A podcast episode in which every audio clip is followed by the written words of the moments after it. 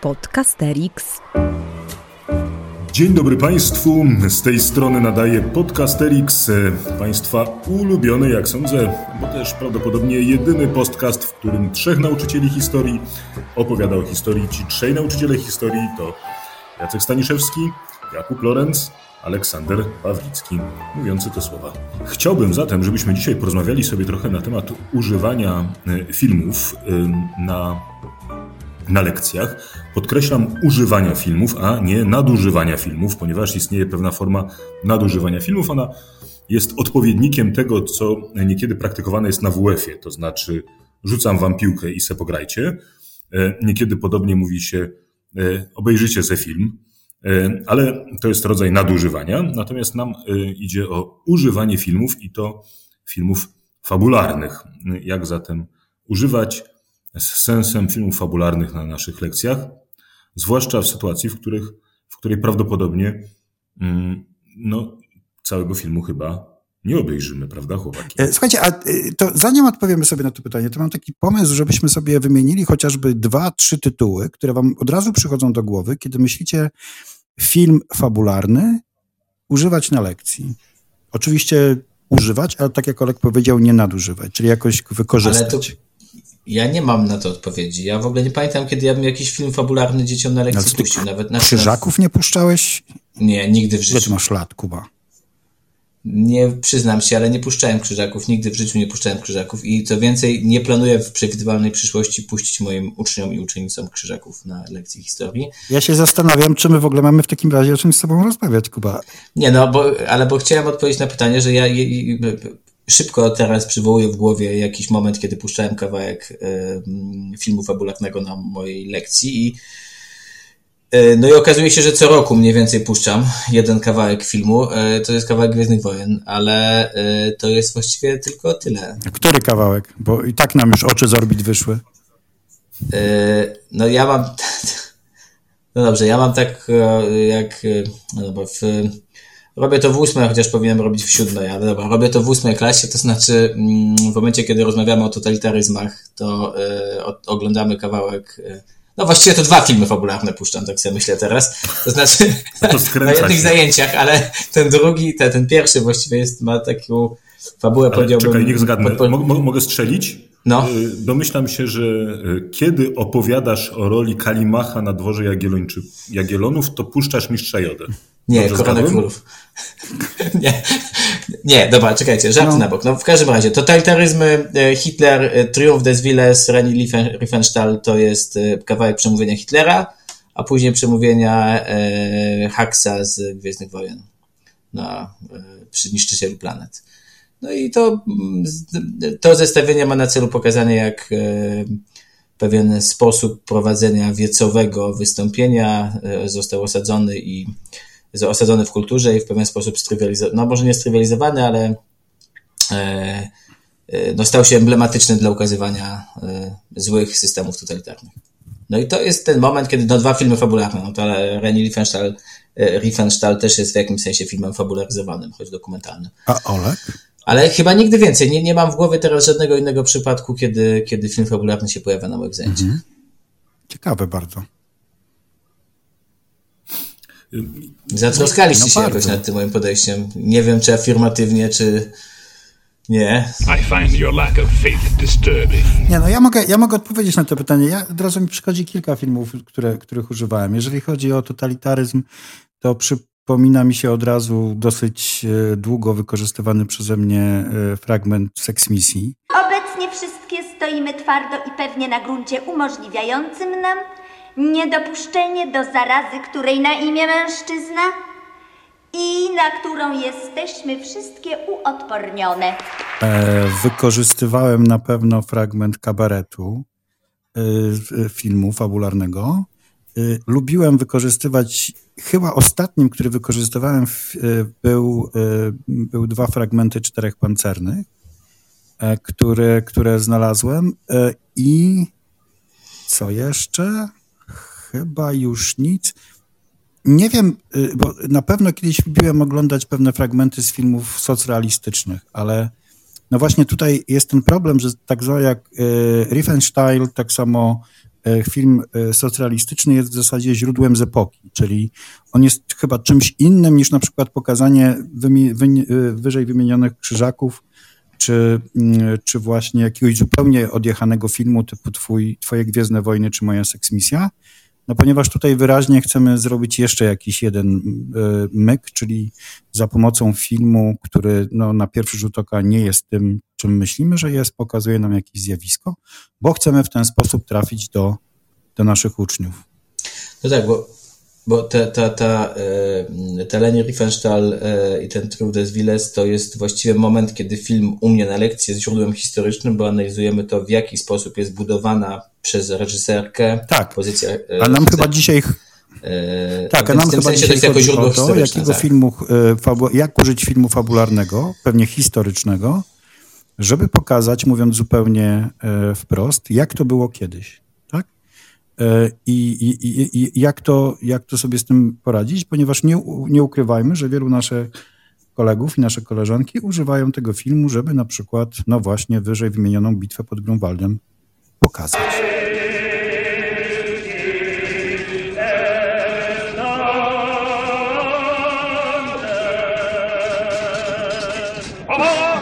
Chorągwie, obchód przez Ludwikowo i wroga! Zawracaj!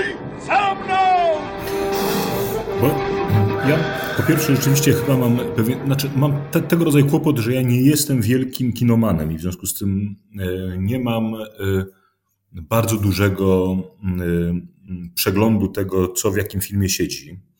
Mm, pewnie od biedy wiedziałbym, w jakim kierunku szukać, ale za każdym razem to byłyby jednak poszukiwania i akurat w przypadku przeglądania filmografii to są y, poszukiwania bardzo czasochłonne, więc ja skłamałbym, gdybym powiedział, że ja bardzo używam y, filmów. Mm, I myślę sobie o dwóch użytkach przede wszystkim, y, no, sięgając niedaleko, to znaczy sięgając do, do ostatnich miesięcy w moich klasach. Po pierwsze, rzeczywiście jest tak, że, że potrzebuję filmu wtedy, kiedy mam wrażenie, że są pewne rzeczy, których moi uczniowie na pewno sobie nie wyobrażą, albo wyobrażą sobie w taki sposób, że wypełniliby ten świat, do którego chciałbym, żeby się przenieśli, wypełniliby mnóstwem rozmaitych rzeczy, których z całą pewnością w tym świecie nie było, a mm, chciałbym możliwie mieć pewność, że oni go zobaczą. I tutaj polegam na scenografach, e, reżyserze, scenarzyście, E, kostiumografach, którzy zrobili jakiś film fabularny i którzy pozwalają mi użyć tego filmu jako takiego świstoklika, który gdzieś ich w jakieś miejsce przeniesie i pozwoli e, coś zobaczyć. I to byłby kawałek taki scenograficzny. E, używałem ostatnio też prawa i pięści na przykład po to, żeby przyjrzeć się już kwestiom nieco bardziej skomplikowanym, dlatego że na zajęciach HIT-u robiliśmy sobie takie zajęcia dotyczące rozpadu społeczeństwa i anomii społecznej i po prostu wydawało mi się, że zwłaszcza początek tego filmu, ale także wiele z tego, co dzieje się potem, to są po prostu bardzo dobre przykłady takiego społeczeństwa w głębokim kryzysie. E, I w tym sensie trochę traktowałem ten, jako, ten film jako źródło historyczne z takim założeniem, że E, autorzy tego filmu przeżyli to i oni opowiadają nam pewną historię ubraną, ubraną e, wiecie, w, e, w, w, w, w fabułę, no, która jest jakoś wymyślona, natomiast z całą pewnością odwołują się do czegoś, czego sami doświadczyli i ich widzowie też to widzieli, w związku z tym tych widzów nie można okłamać. I w związku z tym ten obraz będzie obrazem, e, zakładałem, wiarygodnym. Mm, z uwagi na czas powstania, mimo że no, nie był kręcony w 1945.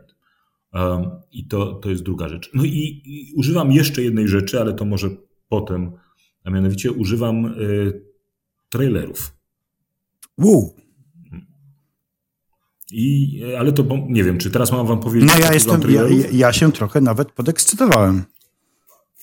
Nie wiem. Bo trailerów używam, słuchajcie, y, po to, żeby wprowadzić jakiś temat, y, zwykle w pierwszej minucie lekcji, ponieważ thrillery mają to do siebie, że po prostu świetnie dzięki swojemu podkładowi muzycznemu, dynamicznemu montażowi i efektownym, najbardziej efektownym w całym filmie zdjęciom, po prostu silnie koncentrują uwagę i zarazem pozwalają, pozwalają zacząć od takiego ekscytującego boom, po to, żeby powiedzieć ha, a dzisiaj o Sparcie. This is Sparta!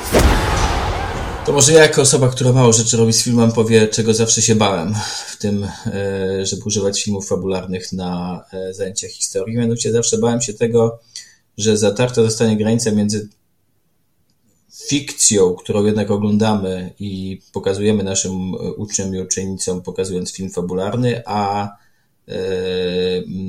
a rzeczywistością historyczną. To znaczy, to, żeby pamiętać, że zawsze każdy film fabularny jest tylko konstrukcją, wyobrażeniem, rekonstrukcją, czasem mniej, czasem bardziej dążącą do tego, żeby realistycznie oddać e, ducha przeszłości albo realia przyszłości, ale że zawsze jest tylko i wyłącznie fikcją. Ja, bojąc się tej fikcyjności takiego materiału, zawsze wolałem e, pracować z czymś no, bardziej namacalnym.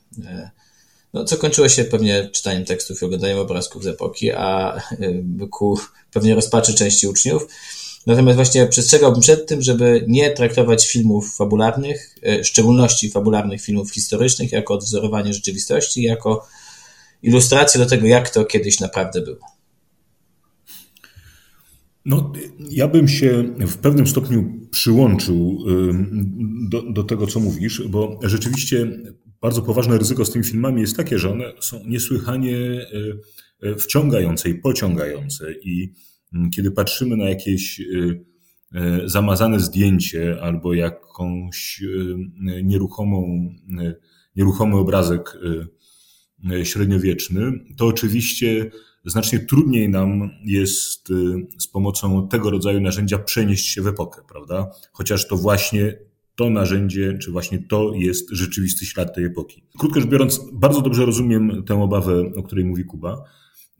Zarazem jest tak, że y, to, co jest niebezpieczeństwem, jest też oczywiście jest też oczywistą zaletą. To znaczy, właśnie dlatego, że te filmy pozwalają ulec złudzeniu, że zanurzamy się w rzeczywistość y, dawną, są niesłychanie pociągające, tak? bo my szukamy niekiedy czegoś, co pozwoli się uczniom zanurzyć. I w tym sensie one działają zdecydowanie bardziej bezpośrednio niż najoryginalniejszy fragment z dawnych czasów. No, ja na koniec powiem tylko, że dla mnie film y, powinien zawsze otrzymać właśnie trochę Kuba o tym mówił, taką, y, taką, taki komentarz od nas, że jednak on jest też jakimś y, dokumentem z czasów, w którym film powstawał. To znaczy, ja bym się na przykład nie bronił przed pokazywaniem bitwy pod Grunwaldem z Krzyżaków, ale właśnie nie wtedy, kiedy mm, omawiamy Wielką Wojnę z Krzyżakami, tylko może wtedy, kiedy mówimy o kulturze PRL-u w latach 60., a przy okazji sobie trochę powtórzył e, coś o tej wojnie. Chętnie, tam, tam są takie, wiecie, filmy, perełki typu Mikołaj Kopernik, które też pokazują fantastycznie to, jak tym Kopernikiem miał być Gierek w istocie i miał pokazywać, jak to, budow- jak to unowocześniał świat, więc y, dla mnie to jest zawsze fascynująca y, opowieść o czasach, w których film powstawał, nie lubię raczej używać filmów trochę tak jak Kuba, bo zawsze mi się wydaje, że jakieś źródło jest ciekawsze, aczkolwiek uważam, że no, w klasie jestem pod tym względem osamotniony. Na koniec tylko powiem, że mm, jeden z moich kolegów y, zagranicznych używał namiętnie, mówiąc o średniowieczu, y, wojny, y, wojny o tron, nie, jak to się nazywa inaczej? Gry o tron, gry o tron. Nie dlatego, żeby pokazywać, e, znaczy i mówił tutaj o kwestiach feudalizmu, rycerstwa, e, roli zamku, ale właśnie specjalnie wybierał coś, co jest z natury rzeczą fantastyczną, by im wprost pokazać, że to jest trochę tak jak. Natomiast w momencie, kiedy mielibyśmy film e, właśnie o średniowieczu, o Janie bez ziemi, czy jakimś tam innym władcy średniowiecznym, naturalnym, no to wtedy byłoby gorzej, no bo ten film starałby się udawać prawdę. Gra o Tron nie pokazuje prawdy, ale trochę z niej czerpie. Więc też był taki pomysł. to bardzo mnie kusi, żeby jednak jedną rzecz teraz dorzucić, najwyżej to, najwyżej to wytniesz, ale mm, bardzo, bo to jest w ogóle moim zdaniem rzeczywiście ciekawy kawałek, bo jedna rzecz to jest to, czego używamy na lekcji, a druga rzecz to jest to, w jakim stopniu wiedza uprzednia naszych uczniów dotycząca rozmaitych epok pochodzi z tego, że oni prawdopodobnie oglądają całkiem sporo rozmaitych seriali. Mhm. Seriali w rozmaitych serwisach streamingowych, które całymi garściami czerpią z rozmaitych motywów historycznych i albo tak jak w wypadku owej gry o tron, sub, czy, aluz, zawierają rozmaite aluzje do średniowiecza, tak? albo w przypadku jakichś innych produkcji po prostu są filmami, które są osadzone w bardzo wyraźnym, nazwanym kontekście historycznym. I ja do tych wszystkich produkcji, e, ale nie do pojedynczych ich kawałków, czy, czy właśnie elementów scenografii, jeżeli tak można powiedzieć, ale do pewnego ogólnego obrazu świata mam cały szereg zastrzeżeń i myślę sobie, że to jest taka rzecz, która jakoś y, mi doskwiera, kiedy myślę sobie o, o tym, jak ten, ten rodzaj filmów czy ten rodzaj seriali robi tło. Mhm. Dlatego, że mam poczucie, że wszystkie te filmy opowiadają mniej więcej tę samą historię, zmieniając tylko entourage, to znaczy niezależnie od tego, czy to jest jakaś fantazy, czy to są wikingowie, czy to jest Anglia Henryka VIII, czy to jest e, wiek XIX w Paryżu, to za każdym razem to jest mniej więcej ta sama opowieść, która trywializuje ludzkie dzieje do dwóch rzeczy, to znaczy sprowadza je do tego, że w gruncie rzeczy chodzi o seks i o przemoc. I to jest e, coś, e, znaczy te filmy są taka historyczne, że, że, że aż nieznośne. You know nothing, Jon Snow. I tym zdaniem zakończymy dzisiejszy odcinek. Zaczynał go Cały czas widzę, że jesteś podpisany, Grzegorz. Zaczynał go Olek. E, no, to może ja zakończę. E, Aleksander Pawlicki, Jakub Lorenz, Jacek Stańszewski. Dziękuję Państwu, zapraszamy Państwa na obejrzenie jakiegokolwiek filmu.